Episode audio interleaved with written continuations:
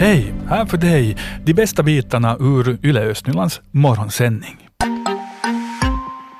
Och här är diskussionen redan i full gång. Det är fredagskaffe som gäller nu här i Yle Östnylands morgonsändning med Christian Lilleström och Malin Lönnroth här som gäster. Hej på er!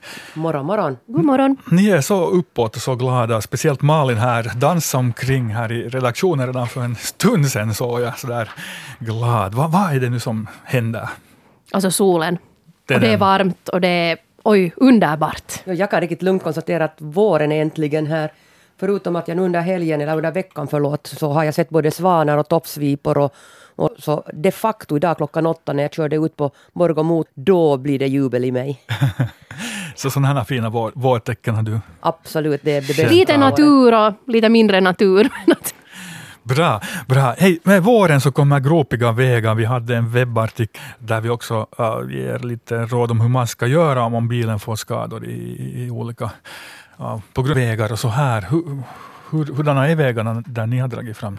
De är oväntat dåliga. De är urusla på vissa områden. Och, och det där, ju längre österut du far så tycks, verkar det som det skulle vara ännu sämre de facto. Eh, våra små sandvägar har jag en viss förståelse för att de i tjältiderna blir lite gropiga och eländiga. Men, men de stora sprickor och hål som jag ser också på, motor, äh, inte förlåt, på motorvägar. När jag har en son som redan skulle vilja ta fram motorcykeln och jag vet hur förrädiska de där hålen är för motorcyklister. Mm, på vilket sätt? Alltså de, de är, Alltså där, kör du i en sån där så kan du så otroligt lätt ändå köra omkull. En bil får du liksom en flat tire, vad heter det, däcket, däcket går ut eller något annat. Men med motorcykeln så är du hela du omkull. mm, oj. Uh, jo, jag ska ut och cykla idag tänkte jag med en kompis och vi funderar också på vart vi ska fara. Då var nog just det här att okej, uh, Pellingevägen eller Skärgårdsvägen, vad den nu kallas, så där egentligen, den, den tar vi inte för den är så full med gropar och sprickor och, och allt möjligt. Så man funderar på den också när man cyklar. Ja, men du måste, du måste välja en sån där sandväg som har en sån där tvättbrädes logik, vet du. Så får du liksom extra gymnastik och massage på hela Ja. vägen när du Jo, cyklar. så, ja, just det. Och sen när man åkte i dem, det var ju det roligaste, så sa man så här, ah, och så, ah, fick man så här darr på, så man prata med darr på stämman. Jag har så tunna, snabba däck, så sådana Ja, vägar ja, du har undviker så här- jag. Exakt, ja. Men Malin, du har vägar då? Ja, no, inte de ju. Alltså jag åker ju mest, jag bor i Hornhattula. Den vägen är alldeles urusel. Det har den varit alltid, men jag tycker att den är, just, den är ännu värre. De har varit lite och lappat de största groparna. Men nu tycker jag också att motorvägen, att nu är dit vissa ställen som att om man byter, byter fil där och att man får vara försiktig. Att inte är det ju någon höjdare. Jag funderar så här att alltså det finns ju så mycket vägar i det här landet. Att nu förstår jag ju att det är svårt att upprätthålla dem alla. Men att, att, att, att På den här motorvägen reagerar jag inte ännu. Men det är väl för att jag inte ännu kör 120 så hemskt mycket. Men när jag var till, till Åbo, Åbo så där är faktiskt redan trafikmärken ute som varnar för, för faror. De tar ner det till till och med 60 och 80 hastigheten emellan för att man ska köra förbi. Då var det visserligen de där groparna nog lite på sidan, de var nu inte mitt på vägen. Men, att, men visst blir det ju dåliga, farliga situationer och uppstår då också på, i sådana hastigheter om man kommer i gropar eller reagerar så att säga med att väja undan eller bromsa kraftigt eller något annat så har du nog fort en olycka till stånd. Är det det här vädret då? Alltså jag menar så här vintrarna som vi har nu, att det sågar. Va, vad gör de här vägarna så himla dåliga?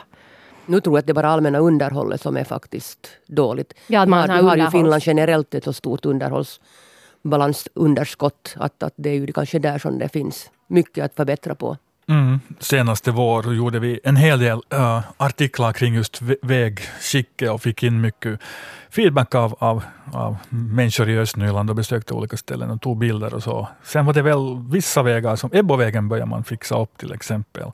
Och, och så här. Men, men jo, visst, det är nog hål på många, många ställen. har jag att börja lärt. åka tåg nu då istället från Nickbysen. Sen, ja, vi får vänta ett par år ännu på det men, att, men det jobbar vi ju på. Eller så är det som att ta barnbarnen med och spaden med och så går du ut och vattendikar och fyller groparna där på vår sandväg, vilket vi sysslar med. Så det är också roligt, vårarbete. Malin, äh, du sa också att du ville äh, ja, tacka Borgostad för äh, någonting. Ja, alltså vi ska ju inte alltid vara så här negativa. Vi försöker ju faktiskt vara lite positiva. Och så att det var landtagsbal igår för tredjeklassisterna. De var alla inbjudna till idrottshallen. Och, och det där, min dotter går på trean och hon var på bal. Och det var helt, alltså de var så nöjda och de hade ju nu hade Itäväylä livestreaming så vi föräldrar kunde sitta då hemma också och titta på när då våra barn dansade och fick äta. Så alltså det, så, det var ju jättefint fixat där inne.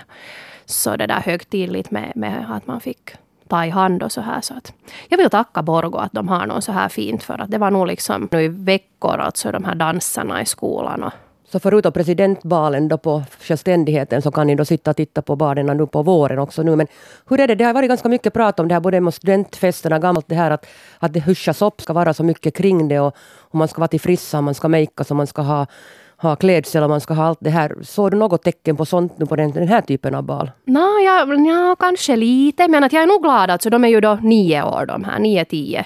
Så det där att, att det, det är kanske rätt ålder. Att sminka är inte en sån här superstor grej. Och, och, det kom faktiskt hem riktigt anvisningar. Att, att man, man kan använda förra sommarens klänning och det räcker med vit skjorta och några städigare byxor för pojkar. För att det är ju just det som man inte vill att det trissas upp och att man då sen ska med någon nioåring klockan sex på morgonen till frissan så där som gamlas dag har blivit. Mm. Kristel, är det någonting du vill tacka Sibbo för nu då? Oj, massor, massor. Jag kommer bara inte på någonting just nu, men, men säkert finns det mycket att tacka dem för.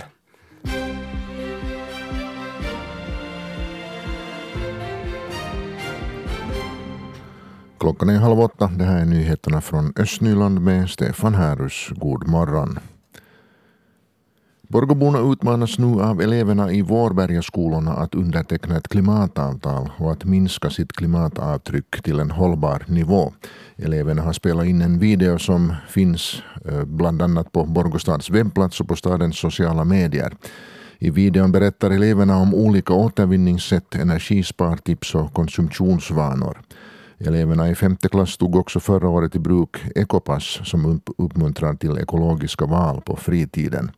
Tanken är att inspirera familjer att alltmer gå inför ett mera ekologiskt tänkesätt. Också Borgostads strategi styr staden mot att vara en föregångare i klimatarbetet.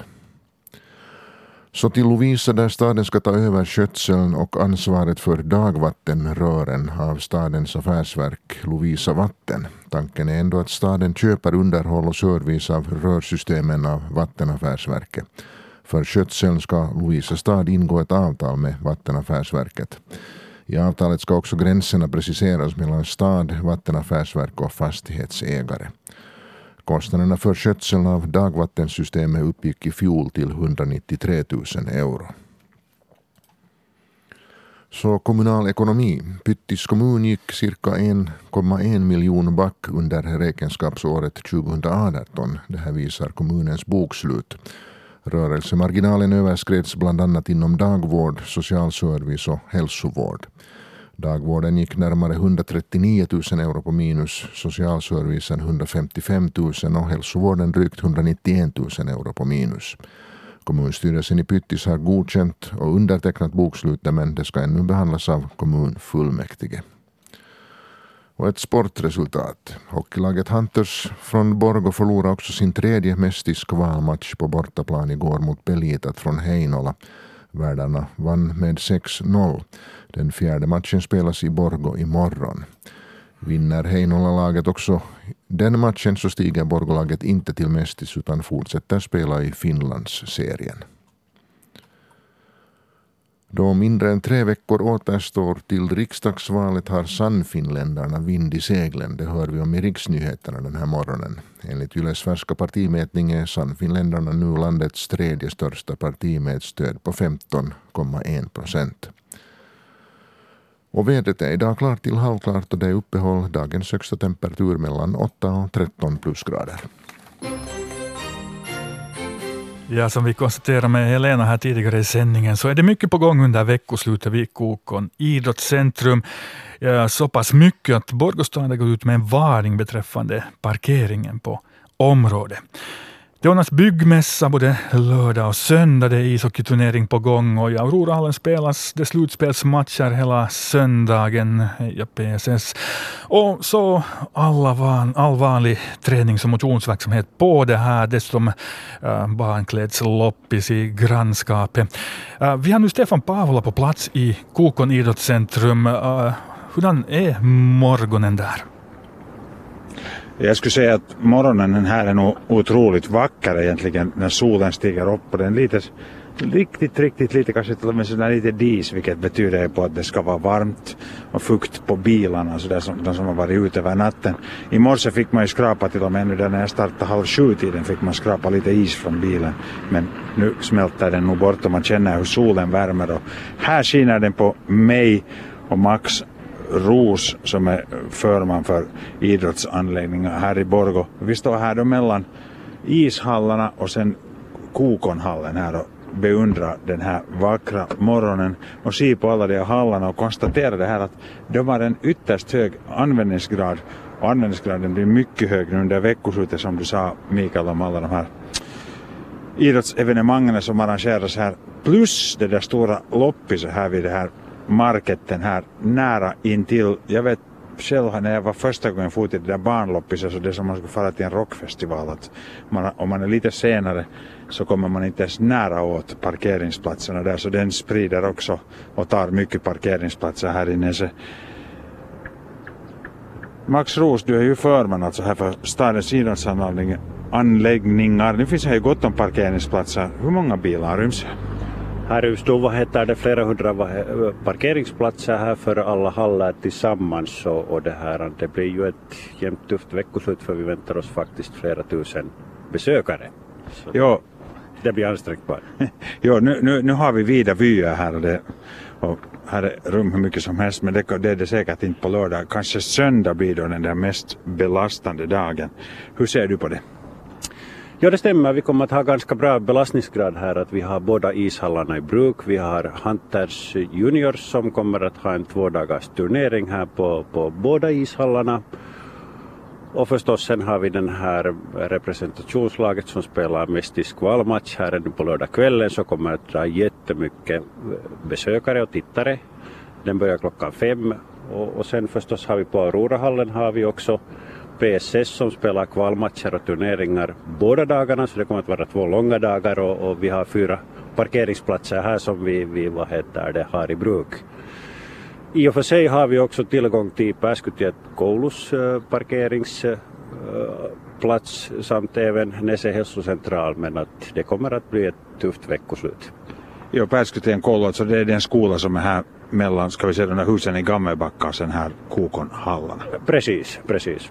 Eh, jo, hur, hur tänker ni tackla det här problemet? Du pratar om flera tusen besökare och vi pratar om hundratals parkeringsplatser.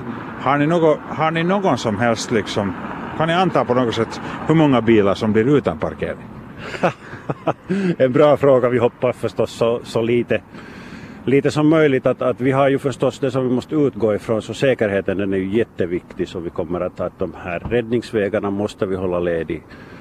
Att, att vi kommer att, att avstänga dem med, med skyltar. Vi kommer att ha parkeringstrafikledning här också som kommer att visa vart man kan parkera och förstås söker vi också hjälp av, av, av besökarna. Tänka på att, att behöver alla komma med egen bil kan vi tänka på samskjuts, möjligtvis med cykel, de som har jättekort väg och, och på det sättet kanske vi, vi klarar av det här utan, utan större besvär. Men nu ser man ju inte från Borgå stad det här enbart så negativt att det blir så här mycket på gång här i, ska vi kalla det veckoslutets evenemangscenter i Östnyland. Helt rätt, alltså det här är ju helt en fantastisk sak att, att vi har otroliga sportevenemang, vi har en byggnadsmässa och allt på, på vårt fina Kokon, Kokon idrottscentrum och, och det blir troligtvis en, en helt, ett helt fantastiskt veckoslut. Och vi har ju ett jättefint väder till vänta oss. Så. Jättefint väder. Det där som hade det där hårda ljudet, det är väl en sån här maskin som sköter om skidspåren. Och det finns något kvar av dem ännu. Vi har faktiskt skidspår där att vi kan till och med gå och skida en, en, en bit där. Det finns, snön finns kvar. Jag ska, kanske jag ska gå hem efter skidorna nu efter sändning då. Men vi ska gå vidare. Det där. Hur kommer ni att övervaka då vidare? Har ni själv folk ut här? Vi kommer att ha eget folk, vad heter det, mest in i hallen och sköta, vad heter det, de här evenemangen där inne. Att, att isen är, är i, i gott skick men föreningarna kommer att vara jättemycket med här också vid trafikledningen och, och de kommer att sköta den biten. Vi förstås försäkrar oss att de här räddningsledningarna kommer att vara lediga. Så alltså Max Ros, förman för idrottsanläggningar i, i Borgå stad. Och nu ska jag rusa hem efter skidorna. Sista chansen säkert. Ja, Fyra, fyra. Oj, oj, det blev överraskande vändning där för, för Stefan, vad han nu ska göra härnäst då. Uh, oj, det går skida ännu, menar Max Ros här som vi hörde.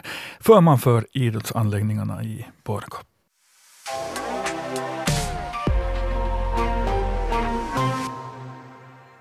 Ja, i februari och nu i mars hade under en hel del morgonsändningar varit så att vi har berättat om vattenläckage på olika håll, eh, främst i Borgo. Eh, och det är faktiskt så att flera stora vattenläckor i Borgo nu har eh, funnits här under mars månad. Och det visar på, på, på problem med ett föråldrat vattenledningsnät. I Sibboja där är vattenledningsnätet modernare och Lovisa, där finns det gamla rör men där har man inte haft större vattenläckor den här vintern. Och I Borgå har vattenledningarna alltså sprungit läck eh, fyra gånger under några veckor här i mars. Det har varit fråga om större läckor som lett till att fastigheterna i närheten inte fått vatten. Peter Ekstam, han är arbetschef på Borgå Vatten och han vet vad som orsakar läckorna. Största orsaken är gamla rör och, och, och, och det här, eh, den här tiden när tjälen börjar lätta så, så brukar de här svaga punkterna i ledningsnätet komma fram. Mm. Det här är ett ganska van, vanligt, vanlig situation runt om i landet. Det, här. det är nog inte speciellt för Borgå, det är nog, alla har nog liknande problem. Hur gamla rör är det i, i Borgå sådär överlag? No, äldsta lite över hundra år. Okej, då, de är ordentligt gamla.